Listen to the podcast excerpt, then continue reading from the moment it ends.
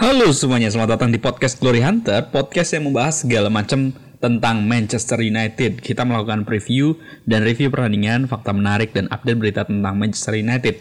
Dan pada episode kali ini kita akan membahas pertandingan di weekend kemarin Manchester United melawan Liverpool yang berakhir 0-0 tapi sebetulnya bukan hanya itu yang menarik untuk dibahas bukan hanya hasil pertandingan tapi bagaimana pertandingan itu berjalan karena kalau kita tahu ya buat teman-teman yang nonton waktu pertandingan kemarin itu sebenarnya agak-agak mengecewakan ya karena kita mengharapkan suatu pertandingan yang sangat uh, kuat antara MU dan Liverpool sang sang calon juara lah kita bisa bilang. Uh, tetapi yang mengecewakan adalah ternyata MU dilanda badai cedera gitu di menit-menit awal bahkan. Itu kalau nggak salah di menit 10 menit 20 itu pada berjatuhan gitu. Kira-kira pemain MU nggak tahu nggak jelas apa sebabnya. Uh, ya kalau kita ngelihat dari sebelum pertandingan juga sebetulnya udah ada kabar yang nggak enak kan. Kita uh, dikabarkan sebelumnya gosip gitu. Oh ternyata Nemanja Matic nggak ngumpul di stadion MU sebelum pertandingan gitu. Uh, dia nggak datang ke hotel tempat MU biasanya untuk siap-siap sehari sebelum pertandingan. Uh, ada yang bilang oh itu cuma masalah inilah mungkin ada keterlambatan atau apa. Ya ternyata benar gitu. Nemanja Matic itu hamstring cedera waktu latihan. Kemudian yang masuk uh, Scott McTominay. Banyak yang kecewa banyak yang uh, apa ya istilahnya kayak eh, nggak uh, percaya dengan kemampuan Scott McTominay dan menurut saya itu sangat sangat beralasan. Kita tahu ya McTominay ini kurang-kurang bisa diandalkan lah untuk peran pertandingan penting seperti ini gitu. Kemudian di pertandingan McTominay oke okay, dan yang nggak oke okay adalah tiba-tiba banyak yang cedera gitu. Kalau nggak salah yang pertama cedera itu adalah uh, Rashford dia kesakitan ingin diganti tapi ternyata nggak diganti justru malah yang ikut-ikutan jatuh yang ikut-ikutan cedera adalah Mata dan Herrera. Nah ini sebenarnya juga salah satu uh, cedera yang sangat betul-betul memukul MU karena Herrera itu kan sangat penting uh, posisinya di MU sebagai pengisi uh, lini tengah sebagai gelandang box to box yang uh, bisa berlari ke sana kemari, ikut menyerang juga ikut bertahan kemudian cedera gitu kan. Diganti oleh kalau saya tidak salah oleh Andres Pereira. Kemudian mata juga cedera. Banyak yang banyak yang nggak menyangka bahwasanya mata bisa cedera hamstring karena sebelum sebelumnya dia nggak pernah cedera hamstring. Sampai oleh aja dia kaget oh lo bisa hamstring juga ya? Kira-kira nanya kayak gitu setelah pertandingan. Mata cedera. Kemudian diganti oleh Lingard. Lingard baru masuk nih. Rashford udah cedera. Tadinya mau diganti Rashford kan. Eh ternyata Lingardnya cedera men. Dia udah nggak bisa bangun lagi akhirnya mau nggak mau MU harus mengganti Lingard dengan uh, Alexis. Uh, yang tadinya Alexis mau diganti mau digantikan untuk uh, Rashford gitu. Yang akhirnya kemudian selama 60 menit ke depan kalau nggak salah itu udah menit 30 akhirnya Rashford nggak diganti. Dan lo tahu Rashford itu benar-benar nggak ada gunanya. Karena dia betul-betul nggak bisa lari dia cuma jalan-jalan di tempat dan nggak bisa diganti juga gitu. Nggak bisa diganti siapa pun karena ya Rashford Rashford uh, pergantian udah habis tiga. Rashford juga kalau misalnya lari dia kesakitan gitu. Akhirnya dia cuma jalan-jalan aja. Ketika ada di sampingnya ada bola back segala macam nggak di, nggak di dan ini juga sebetulnya sebetulnya agak-agak luar biasa mengecewakan karena ternyata di babak itu kan babak pertama ya kejadiannya. Ketika kita jeda aja babak pertama kita udah yang wah ini gimana nih MU benar-benar pemainnya nggak ada semua nih. Nggak ada pemain penyerang. Masa kita bergantung ke Lukaku sama sama Sanchez yang angin-anginan mainnya gitu. Ternyata babak kedua itu surprisingly MU mainnya bagus gitu. Jadi justru yang main jelek itu Liverpool. Liverpool sama sekali nggak bisa nggak bisa shot on goal. Ada cuma satu, cuma satu shot on goal di pertandingan itu dan salah sama sekali dimatikan. Oh ya Firmino juga cedera. Sa Mane juga nggak bisa nggak bisa sama sekali ngapa-ngapain. Salah akhirnya diganti oleh Divock Origi. Betul-betul dikantongin lah sama si Luke Shaw dan Liverpool mainnya jelek banget men dan MU dengan dengan tanpa Rashford gitu Rashford yang cuma nunggu jalan-jalan nggak bisa ngepres nggak bisa lari sama sekali itu beberapa kali dapat peluang yang ya sayangnya ada satu gol uh, dari uh, gol bunuh diri sebetulnya tapi ternyata itu offside. Uh, kemudian ada peluang terakhir dari Smalling juga. Um, sebenarnya banyak banget lah peluang-peluang uh, MU di babak kedua gitu. Maksudnya itu semacam kita kayak dirampok aja lah. Kita maksudnya abis kayak kecolongan gitu. Kita yang seharusnya bisa menang gitu di pertandingan ini enggak karena ya karena cedera gitu. Dan ya banyak macam-macam sih sebabnya ya. Ada yang bilang ini karena dulu mainnya Mourinho itu kan nggak banyak lari hanya nunggu gitu kan. Sekarang di press banget latihannya di press banget untuk pertandingannya bahwasanya semua pemain harus harus temponya harus cepat harus bisa direct permainnya harus lebih mengandalkan kecepatan. Jadi kemudian ya akhirnya ya tubuhnya nggak nggak sanggup untuk bisa menerima perintah itu gitu. Akhirnya pada berjatuhan satu persatu. Dan ini bukan cedera ya Matic Mata dan Herrera itu bukan cedera karena dia di tackle. Seperti Rashford kan ankle-nya di, di, dihajar sama Henderson mereka itu bukan di tackle tapi ya memang uh, muscle injury istilahnya apa ya? Uh, ya emang sakitan karena sering sering seringan keseringan main dipakai aja gitu kakinya. Uh, jadi jadi itu yang betul-betul mengecewakan dari lagi MU versus Liverpool. Kosong-kosong dan MU melorot ke peringkat 5 di bawah Arsenal karena pada pertandingan pada waktu yang bersamaan Arsenal menang lawan uh, Southampton 2-0 di Emirates dan Arsenal saya bilang betul-betul yang jadi favorit. Nanti mungkin kita akan bahas uh, uh, sedikit di podcast kali ini kira-kira siapa yang favorit menjadi uh, menjadi peringkat 4 atau bahkan masuk Eh, Liga Champions musim musim depan. Arsenal, MU ataupun Chelsea gitu. Nanti mungkin akan kita bahas sedikit.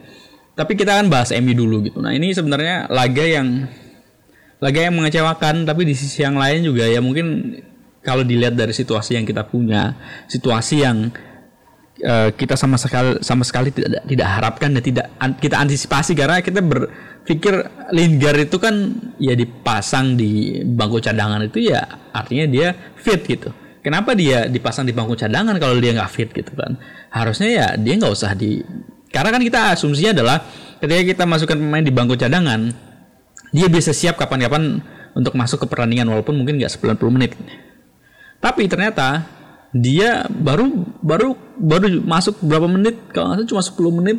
Di tackle sekali dua kali kemudian dia cedera lagi gitu. Artinya dia betul-betul belum sembuh dari cedera yang dia derita nih uh, Jesse Lingard gitu. Nah itu juga pertanyaan kenapa apakah pelatih nggak punya pengetahuan masalah itu? Apakah ada yang salah di antara fisioterapi uh, dan pelatih ataupun mungkin Lingardnya sendiri yang mungkin awalnya ngerasa dia bisa bisa mau tampil tapi ternyata belum sembuh benar gitu. Jadi ya itu pergantian yang ketiga itu sebetulnya betul-betul yang mematikan MU gitu. Kalau seandainya uh, Lingard memang cedera, ya seharusnya mungkin digantikan dengan pemain lain. Seharusnya ya. mungkin mungkin Fred atau mungkin uh, ada Dalo Dalo mas masuk kemudian yang jadi agak ke depan gitu atau seperti apa. Kita juga harusnya bisa punya alternatif yang lebih baik dibandingkan masukin Rashford eh, masukin Lingard kemudian Lingard dikeluarin lagi gitu. Dan kemudian kita juga bisa ganti Rashford dengan Alexis gitu sehingga nggak kita nggak kayak main dengan 10 pemain gitu di lawan di laga lawan Liverpool gitu. Uh, ya Liverpool juga sekarang akhirnya dia naik ke peringkat pertama hanya beda satu poin dari Manchester City. Dan ya sekarang eh, pada waktu itu sih sebetulnya banyak fans Liverpool yang merasa bahwasanya itu itu adalah hasil yang hasil yang bagus di Old Trafford. Karena ke, eh, karena ya dia akhirnya sekarang bisa unggul dari Manchester City dengan laga yang sama 27 pertandingan gitu kan. Tapi unggul satu poin di Manchester City dan Liverpool sekarang sangat favorit gitu. Tinggal memenangi sisa laga pertandingan. Kalau nggak salah Liverpool itu cuma lawan Chelsea dan Tottenham kalau saya nggak salah ya. Selain eh, tim-tim yang tim enam besar gitu. Sedangkan City masih lawan MU City juga masih lawan saya lupa tapi uh, City lawan Chelsea udah kan 6-0 kemarin kemudian juga lawan Arsenal atau mungkin Tottenham. Jadi eh, uh, City masih lawan MU yang jelas tiga pertandingan terakhir kalau kalau saya nggak salah. Nah ini juga betul-betul mengecewakan karena kita impian kita adalah bisa menghentikan Liverpool di di Old Trafford kan gitu kan. Pokoknya kemarin itu benar-benar mengecewakan kita ngerasa kayak walaupun kosong-kosong gitu. Mungkin kalau pertandingan lain kita kosong-kosong ya mungkin oke okay, gitu. Tapi ini kayak ngerasa ada yang ganjel kayak ya kayak nggak ikhlas lah. Iya kan kayak gimana ya? Bayangkan kita kita kita punya sesuatu bisa melakukan sesuatu uh, dengan hasil yang bagus gitu mungkin kita punya punya kerjaan atau kesempatan supaya bisa dapat sesuatu gitu kan ternyata tidak bisa meng, menghasilkan uh, di momen-momen tertentu karena sesuatu yang dari kitanya sendiri gitu yang harusnya bisa diantisipasi. Dalam hal ini MU ya cedera itu. Kira-kira gitu dari uh, kemarin dan kalau misalnya ada beberapa yang ha harus di highlight adalah pemain-pemain MU ada beberapa yang ternyata bisa menunjukkan uh, kehebatannya kemarin. Kemarin yang jadi man of the match adalah uh, Luke Shaw. Luke Shaw man of the match karena betul-betul uh, mau salah itu nggak berkutik di sebelah kanan. Betul-betul dimatiin sama Luke Show nggak nggak bisa nggak sama sekali nggak bisa nggak bisa buat peluang sama sekali nggak nggak bisa uh, ada tendangan ke gawang. Dan kemudian diganti gitu di babak kedua. Uh, Luke Shaw juga main bagus back back MU juga main bagus Smalling uh, Lindelof juga solid. Dan yang mengejutkan dan um, ya syukurnya adalah mereka bisa main bagus adalah uh, Andreas Pereira dan McTominay. McTominay oke, okay. saya nggak bilang luar biasa banget karena juga beberapa passing segala macam nggak bagus. Andreas Pereira yang memang dia lebih uh, diinstruksikan untuk jadi gelandang box to box juga bagus uh, dan itu benar-benar surprising walaupun ya beberapa beberapa passing juga nggak begitu bagus seperti seperti Herrera atau Pogba gitu. Yang mungkin perlu di highlight lagi ya Lukaku gitu. Lukaku tuh betul-betul jadi bahan bahasan banget uh, setelah lagi lawan Liverpool ya termasuk kemarin juga waktu lawan uh, sebelumnya lawan Chelsea di FA Cup. Lukaku nih nggak sebagus musim kemarin gitu dan banyak yang bertanya-tanya kenapa sih? Apa nih yang jadi masalahnya Lukaku? gitu pertama dia positioningnya nggak bagus sebagai striker dia harusnya kan punya positioning yang bagus walaupun kemarin dia main di sebelah kanan karena Rashford yang di tengah gitu dia yang uh, uh, lebih melebar dan ngasih-ngasih assist tapi beberapa peluang yang dibuat dari sebelah kiri kan seharusnya Lukaku bisa bisa dapat posisi yang bagus kemudian ngambil peluang. Waktu kemarin ada salah satu peluang dari Lukaku itu ketika umpan dari kiri yang kemudian disundul oleh Lukaku tapi sayangnya bolanya lemah gitu. Dan yang waktu itu ngecover dia adalah Robertson yang kalau bisa dibilang badannya kecil dan pendek nggak begitu tinggi seperti back-back tengahnya uh, Liverpool gitu, Van Dijk atau atau Matip. Nah ini waktu itu dia sama sekali nggak bisa keluar dari hadangannya si Robertson dia cuma bisa nyentuh dikit kemudian ya akhirnya bisa ditangkap sama si sama si Allison dan ya banyak yang bilang Lukaku harusnya badannya besar kemudian ya bisa bisa lebih bisa intimidatif gitu ke back back lawan. Dan kita nggak tahu apa yang menjadi masalah dari dari Lukaku gitu. Pergerakannya juga nggak begitu cepat dan betul-betul uh, jelek di sisi kanan walaupun ya pada akhirnya dia bisa memberikan beberapa uh, asis-asis dari sebelah kanan. Tapi dia kurang bisa memberikan dari apa yang diharapkan oleh MU. Apalagi sekarang dengan kondisi di mana penyerang-penyerang MU itu cedera semua gitu. Rashford cedera, Martial cedera, Lingard cedera. Ya kita mau nggak mau berharap ke Lukaku dan Sanchez gitu. Mau nggak mau. Sanchez kemarin menurut saya main bagus, dia ngotot. Setiap pertandingan nih bagusnya Alexis Sanchez adalah dia ngotot, dia betul-betul pengen memberikan semua tenaga dan energinya itu ketika dia bermain gitu itu yang betul-betul bikin salut ya itu berbeda dengan dengan Lukaku ya banyak yang bilang Lukaku itu sekarang kegendutan. Bukan kegendutan dalam artian dia lemaknya banyak gitu kemudian dia uh, sulit bergerak tapi justru ototnya dia yang kegedean gitu. Mungkin dia lebih banyak menghabiskan waktu di gym dibandingkan di latihan di lapangan gitu. Sehingga sehingga sulit bergerak. Ya kita nggak pernah tahu. Makanya gosipnya sekarang adalah Lukaku mau dijual akhir musim ke Inter Milan. Apabila Jose Mourinho nanti jadi pelatihnya Inter Milan. Sekarang Jose Mourinho kan sedang uh, menggoda-goda Real Madrid dan Inter Milan kan. Nah kalau misalnya Inter Milan ternyata benar akan memulangkan Jose Mourinho, karena Jose Mourinho bilang dia dia merindukan klub yang betul-betul mencintai dia gitu. Jadi dia uh, ya dia nggak bilang langsung itu adalah Inter Milan tapi dia bilang saya ingin melatih klub yang betul-betul mencintai dia dan pengen mengharapkan kehadiran dia dan dan ya selain selain Porto kan mana lagi selain Inter Milan dan Chelsea? Mungkin Chelsea sekarang mungkin nggak mungkin akan memulangkan Jose Mourinho. Dia sedang uh, ber, apa namanya berjuang dengan Mauricio Sarri. Dan mungkin uh, Jose Mourinho akan pulang ke Real Madrid tapi mungkin juga enggak gitu. Kita nggak pernah ada.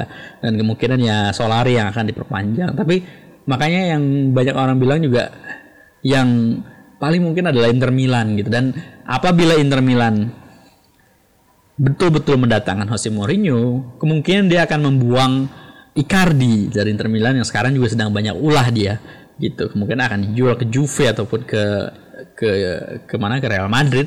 Dan kemungkinan dia akan mendatangkan Lukaku gitu. Dan itu mungkin ya kita nggak pernah tahu apakah itu suatu hal yang baik atau enggak yang jelas sampai sekarang ini Lukaku agak kurang serak dengan dengan taktik yang diterapkan oleh Ole Gunnar Solskjaer Kemarin Arsenal menang 2-0 lawan Southampton dan saya sebetulnya masih percaya bahwasannya Arsenal adalah klub yang paling berpeluang untuk masuk empat besar. Ini bisa dipercaya atau enggak? Jadi kalau lihat di kalau lihat di pertandingan-pertandingan yang akan datang, Emi masih ketemu Arsenal, Emi masih ketemu uh, Manchester City, dan Emi masih ketemu Chelsea. Itu tiga tim besar yang kita nggak pernah tahu akan drop point di mana. Ya, mungkin mungkin kita akan menang, mungkin MU akan bisa mengalahkan tiga tim tersebut. Tetapi ya kalau misalnya kita bisa mengkalkulasi kekalahan gitu kan, MU akan kalah gitu di tiga pertandingan tersebut. Mungkin MU bisa menang lawan Chelsea ataupun Arsenal ya kita nggak pernah tahu. Tapi kan sekarang Chelsea juga sudah dalam tahap uh, uh, perbaikan juga. Dia kemarin di di final Carabao Cup dia lumayan luar biasa menurut saya melawan City dan menurut saya juga selama 90 menit plus extra time menurut saya mainnya bagus banget dan harusnya bisa menang gitu. Kemudian yang Arsenal, nah, Arsenal sekarang tinggal lawan MU dan lawan Tottenham. Arsenal akan lawan Tottenham akhir pekan depan. Jadi uh, Tottenham pada midweek ini, jadi Kamis pagi dia akan melawan Chelsea. Kemudian pertandingan selanjutnya weekend depan melawan Arsenal. Beberapa peluang MU bisa menyalip Chelsea ataupun Arsenal. Maksudnya begini, ketika kita bisa menang di beberapa pertandingan ke depan, di situ adalah peluang untuk menjauhkan jarak dari kedua tim tersebut, yaitu Chelsea dan Arsenal. Nah, masalahnya adalah sekarang kita lagi ada di lowest point gitu. Bukan dalam hal performa, tapi dalam hal injury crisis. Ini krisis injury, krisis cedera ini kita betul-betul sangat mengkhawatirkan dan kita nggak pernah tahu kapan kita akan membaik dan kita juga nggak punya kedalaman pemain seperti Manchester City dan kita jangan lupa kita masih main lawan uh, Wolves di FA Cup dan kita masih lawan PSG away ke Paris bulan-bulan uh, depan Maret. Jadi kita masih betul-betul sibuk gitu. Padahal pemainnya kita udah defisit, kita udah nggak punya tiga trio di depan, nggak punya Rashford, Martial dan Lingard. Ya, di tengah juga kita hanya punya Pogba, walaupun di belakang kita masih lengkap gitu. Kemudian siapa gantinya? Nah, itu juga permasalahan saya yang akan saya bahas di sini. Kira-kira MU bisa nggak gitu untuk bersaing di empat besar melawan Arsenal, Chelsea dan mungkin juga Tottenham karena Tottenham sekarang udah mulai drop point kemarin kalah lawan Burnley dan sekarang dia akan melawan Chelsea. Kita nggak pernah tahu siapa yang akan menang. Nah, MU sangat berpeluang untuk bisa naik ke empat besar. Nah, tapi ya kalau MU belum kelar dengan masalah sendiri, ya akan sulit juga gitu. Jadi itu yang ingin saya bahas siapa penggantinya pemain-pemain yang pergi gitu. Siapa penggantinya Matic Herrera? Siapa yang yang bisa menggantikan tiga pemain di depan? Ya, yang kita tahu yang sekarang sering main adalah Lukaku dan Sanchez.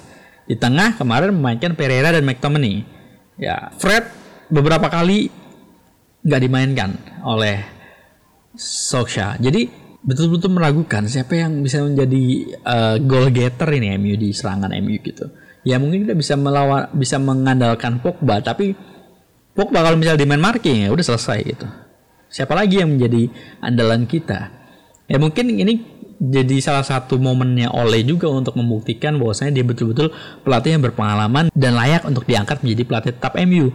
Karena menurut saya salah satu hal yang perlu dibuktikan oleh Oleh selain dia sudah membuktikan dengan beberapa kemenangan uh, sebelumnya dan belum terkalahkan loh di Liga Inggris ya. MU masih belum terkalahkan oleh Liga Inggris adalah bagaimana dia menghandle krisis. Nah, ini adalah krisis yang paling besar menurut saya. Ketika kemarin uh, hanya Lingard dan Martial yang cedera, eh ternyata Rashford juga cedera, kemudian di tengah juga Matic dan Herrera hamstring, Manta juga hamstring. Betul-betul bukan suatu kondisi yang ideal buat Manchester United. Sehingga menurut saya ini adalah momen di mana Oleh harus membuktikan sebagaimana dia adalah pelatih yang layak untuk diangkat menjadi pelatih tetap MU beberapa tahun ke depan. Coba kita berandai-andai lah. Kira-kira apa yang akan dilakukan Oleh gitu? Kalau saya bilang, mungkin Oleh akan mengandalkan tentu pemain yang ada, tapi juga bisa mengkombinasikan dengan beberapa pemain muda gitu. Tentu menurut saya nggak bisa kita mengandalkan pemain muda, pemain dalam arti pemain akademi yang yang belum pernah main di laga kompetitif misalnya seperti Tahi Chong atau Angel Gomez ya atau Mason Greenwood tapi dia mereka bisa jadi backup ya Kemudian Ole harus bisa mengandalkan pemain-pemain yang selama ini belum belum perform seperti Fred. Ya, kita nggak pernah tahu apa yang terjadi dengan Fred. Tapi yang jelas kemarin MU lebih mengandalkan masukan Andreas Pereira yang sebelumnya dia main adalah biang keladik MU hilang poin melawan Burnley. Dia lebih memilih Pereira dibandingkan Fred gitu. Jadi apakah ini suatu tanda bahwa Fred itu nggak disukain oleh Ole dan tim pelatih gitu dan kemudian akan dijual di musim panas nanti kita juga nggak tahu. Tapi yang jelas dia harus step in. Dia harus bisa mengisi kekosongan yang ditinggalkan oleh Herrera, Matic dan Mata di lini tengah. Jadi kalau misalnya seandainya kemarin sih saya mengandai-andai kalau misalnya MU bisa bereksperimen dengan meng, dengan menempatkan back di posisi DM. Jadi Matis nggak ada, lalu siapa yang bisa menggantikan ya? Kalau misalnya kita melihat McTominay misalnya agak kurang berpengalaman dan agak agak-agak kurang uh, bisa diandalkan ya di laga-laga krusial seperti lawan Crystal Palace. Mungkin bisa kita tempatkan DM di situ. Kemarin waktu lawan Liverpool saya sempat sempat berkelakar setengah berkelakar sebetulnya bahwa mungkin ya mungkin Eric Bayi bisa diandalkan di situ. Bisa nggak Eric Bayi jadi DM gitu kan? Ya kalau misalnya pelatih yang berani seperti Pep kan dia betul-betul berani untuk menempatkan pemain yang bukan di posisinya gitu kan. Dia pernah bereksperimen Fabian Delph dia yang pemain tengah kemudian ditempatkan jadi back sayap. Dia menempatkan misalnya Fernandinho di back di posisi uh, uh, back tengah. Kemudian juga bereksperimen misalnya kemarin yang beberapa pertandingan kemarin karena Fernandinho cedera adalah Danilo. Danilo yang back sayap kanan ini ditempatkan jadi DM gitu. Ini menurut saya perlu dicoba oleh-oleh gitu. Nah sayangnya Phil Jones yang beberapa musim kemarin sempat menjadi DM di di di zaman zamannya Sir Alex cedera sekarang. Jadi tinggal nggak tahu apa opsinya di DM nih. Kalau menurut saya mungkin bisa menempatkan uh, kalau nggak Eric Bayi mungkin Lindelof. Bisa nggak Lindelof jadi DM karena Lindelof cukup bagus dalam hal passing passing uh, long passing ya. Jadi untuk umpan-umpan itu menurut saya cukup, cukup bagus dan dia punya cover area lumayan bagus juga. Jadi di belakang nanti tinggal Bayi dan Lin, dan, dan Smalling misalnya. Atau kalau misalnya tidak seperti itu, ya tetap memainkan McTominay, ya. Fred menggantikan Herrera sebagai box to box DM. Kemudian juga Pereira menggantikan posisi Mata. Kalau misalnya posisinya 4-3-1-2 Diamond. Menggantikan posisi Pereira jadi depan, jadi IMF dia. Dia yang harus banyak berlari, yang bisa pressing dan ikut menyerang itu. Nah itu bisa atau enggak seperti itu. Atau misalnya opsi lain adalah MU memainkan 3 back dan Luke Shaw dan Ashley Young menjadi wingback. Nah itu juga mungkin bisa dicoba sehingga nanti di lini tengah juga bisa dibantu oleh Luke Shaw dan uh, Ashley Young. Di tengahnya mungkin bisa mengandalkan Pogba dan uh, Pereira ya. Di depannya, nah ini pertanyaan juga di depannya siapa? Lukaku dan Sanchez pasti. Kemarin oleh bilang bahwasannya ya sekarang tinggal Lukaku dan Sanchez yang harus membuktikan kita harus mengandalkan mereka kita nggak perlu tahu lagi siapa yang bisa uh, menjadi goal getter selain mereka gitu. Dan mungkin uh, ini juga sebenarnya usulan saya sih. Kalau misalnya tetap mau jadi 4-3-1-2 ya bisa nggak Asle yang jadi jadi apa namanya jadi jadi jadi gelandang tengah?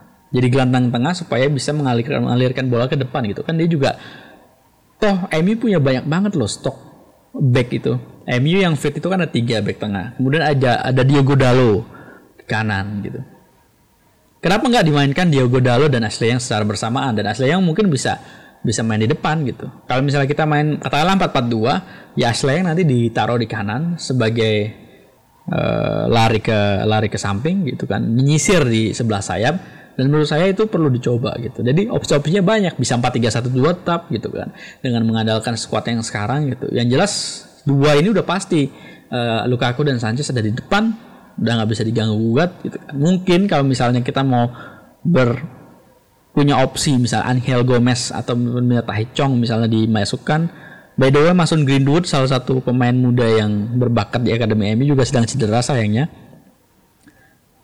Dan kemarin uh, bukan kemarin, tapi hari ini oleh press conference untuk laga melawan Crystal Palace dan dibilang akan ada tiga pemain akademi yang dibawa. Dan tebakan saya sih adalah Tahi Chong, uh, ma, uh, bukan Mason Greenwood tapi Angel Gomez dan Jason Garner. Jadi Jason Garner ini dia midfield.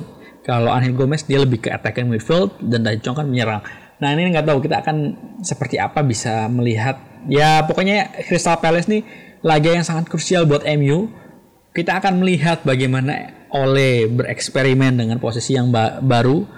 Uh, Ole akan memanfaatkan pemain-pemain muda, memanfaatkan pemain yang selama ini nggak perform sama sekali, karena kita nggak punya lagi pemain-pemain kunci cedera semua gitu. Dan kalau misalnya Ole berhasil melawan Crystal Palace dan kemudian kita di weekend nanti akan ketemu um, Southampton atau Bournemouth ya. Uh, kalau nggak salah Bournemouth, maka kita akan bisa bilang bahwasanya MU masih bisa bersaing untuk empat besar gitu. Selain itu kita menunggu dengan beberapa cedera yang akan akan main gitu. Karena karena gosipnya mungkin Rashford akan tetap dimasukkan di laga lawan Crystal Palace walaupun mungkin dari cadangan karena dia yang paling nggak parah mungkin cederanya. Sedangkan ya mungkin untuk pemain-pemain lain kita harus betul-betul menunggu gitu. Dan kalau misalnya MU nggak bisa menghandle injury crisis krisis cedera ini dengan baik seperti Spurs atau Chelsea uh, Arsenal by the way sebelum MU krisis cedera ini tim lain seperti Arsenal dan Tottenham itu sudah mengalaminya gitu. Di kemarin walaupun nggak nggak separah MU sih Tottenham sempat kehilangan Son, Kane dan Dele Alli. Son ke Piala Asia dan Dele Alli dan Kane cedera gitu kan. Kemudian banyak yang bilang oh ini uh, krisis cedera segala macam. Dan mereka berhasil loh. Mereka itu nggak terkalahkan di bulan Januari Februari sampai akhirnya kemarin kalah lawan uh, Burnley dan mereka menang terus makanya mereka bisa menempel gitu. Tapi sekarang ah, justru kemarin waktu Kane udah balik ke lapangan dia bisa main dari awal justru malah kalah. Nah ini kemudian Arsenal juga sempat sempat ada badai cedera juga. Mereka kehilangan Sokratis, Rob Holding, Koscielny, uh, Monreal, kemudian banyak banyak back yang cedera. Akhirnya mereka ya bereksperimen. Kemudian mereka memasukkan pemain yang nggak pernah mereka mainkan sebelumnya seperti Carl Jenkinson gitu kan. By the way Jenkinson itu pemain yang main waktu Arsenal dibantai MU 82 82 atau 83 82 kalau nggak salah di Old Trafford tahun 2012. Dia itu udah main Carl Jenkinson gitu. Tapi sampai sekarang dia emang nggak pernah dima dimainin aja gitu. Karena emang pemainnya benar-benar jelek gitu. Tapi sekarang kemarin sempat dimainkan karena beberapa pemain lain cedera, Bellerin juga cedera, banyak banget yang cedera Arsenal. Tapi mereka bisa survive sampai sekarang masih bisa menempel MU di posisi 4 dan kemarin menang lawan Southampton dan mereka bisa naik gitu. Dan ini betul-betul ujian buat MU gimana caranya menangani krisis cedera dan ini juga pelajaran buat eh, buat buat apa namanya pimpinan MU Edward dan direksi-direksi yang lain bahwasanya MU itu butuh kedalaman pemain gitu. MU memang punya kedalaman pemain di squad di lini depan ya. Kita bisa mengandalkan Lingard, Martial dan Rashford kalau misalnya semuanya fit. Kemudian kalau misalnya salah satunya butuh diganti masih ada Sanchez, masih ada Lukaku gitu. Masalahnya di lini tengah ini gitu. Kita masa mengandalkan McTominay, masa kita mengandalkan Andreas Pereira gitu. Kita perlu kedalaman seperti City itu yang ketika misalnya Leroy Sané itu nggak perform, maka ada Sterling. Dan sebaliknya, Bernardo Silva di kanan nggak perform, ada Riyad Mahrez.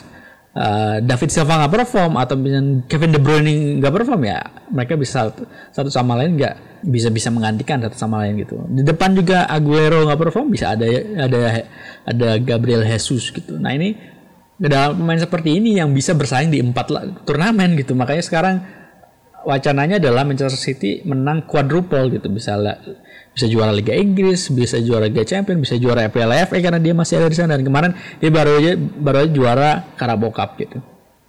Kita butuh kedalaman pemain gitu. MU harus belanja minimal 200 juta gitu untuk beli pemain-pemain bagus musim depan. Kira-kira gitu laga laga next adalah Crystal Palace jam 3 pagi Kamis pagi jam 3 uh, eh, saya nggak tahu ditayangin di mana silahkan dicek aja um, dan kemudian setelahnya nanti saya sekalian cek deh. Kalau nggak salah sih MU lawan Bournemouth ya. Uh, oh enggak Southampton ya. Oke jadi MU lawan Crystal Palace di midweek. Kemudian weekendnya adalah melawan Southampton. Dan kemudian di midweek minggu depan kita akan melawan PSG away gitu. Dan next weekendnya kita akan melawan Arsenal. Jadi ini benar-benar sangat-sangat krusial bagi MU untuk empat besar. Kalau MU bisa menang tiga pertandingan ke depan, ya kita anggap PSG udah udah nggak kita hitung lah karena itu udah calculated loss gitu. Crystal Palace menang, Southampton menang, dan menang lawan Arsenal, maka MU masih bisa keempat besar. Kalau misalnya MU kalah di atau bahkan tiga-tiganya kalah ya uh, drop point di laga Crystal Palace lawan Southampton dan kita kalah lawan Arsenal di kandangnya Arsenal, uh, udah goodbye deh. Goodbye empat besar gitu. Dan menurut saya ini bukan salahnya Ole gitu. Ole dia menerapkan strateginya dia, formasinya dia dan terbukti berhasil yang nggak sanggup adalah pemainnya gitu pemainnya berusaha tapi ternyata tubuhnya tidak bisa beradaptasi secara langsung ke formasi yang mengandalkan kecepatan seperti gini gitu karena selama bermusim-musim sebelumnya kan MU nggak begitu mengandalkan kecepatan di bawah Mourinho gitu. Jadi ini bukan salahnya Ole sama sekali dan saya tetap mendukung Ole supaya jadi manajer MU musim depan. Dan mungkin kita akan bahas lain waktu ya uh, tentang apakah Ole layak untuk bisa menjadi uh, manajer MU musim depan. Kalaupun misalnya MU nggak masuk empat besar, MU nggak juara Piala FA dan MU mungkin nggak akan lolos dari uh, eh, 16 besar Liga Champions juga. Apakah Oleh masih bisa jadi jadi calon yang diunggulkan dibandingkan calon-calon lain seperti Zinedine Zidane, Pochettino dan lain-lain gitu. Oke, gitu aja podcast kali ini. Uh, tolong follow di uh, Spotify, follow di SoundCloud juga dan saya akan berpikir untuk mengupload ini ke YouTube juga dan tolong follow terus. Terima kasih uh, apabila sudah mendengarkan dan kalau misal ada pertanyaan dan usulan topik untuk dibahas silahkan mention saya aja di Twitter saya @rofiudarojat dan juga bisa masuk ke email juga. Uh, nanti emailnya akan di dan emailnya kalau nggak salah ada juga di Spotify di deskripsi. Silahkan kirim kalau ada pertanyaan atau usulan topik selanjutnya. Oke, okay, see you next time.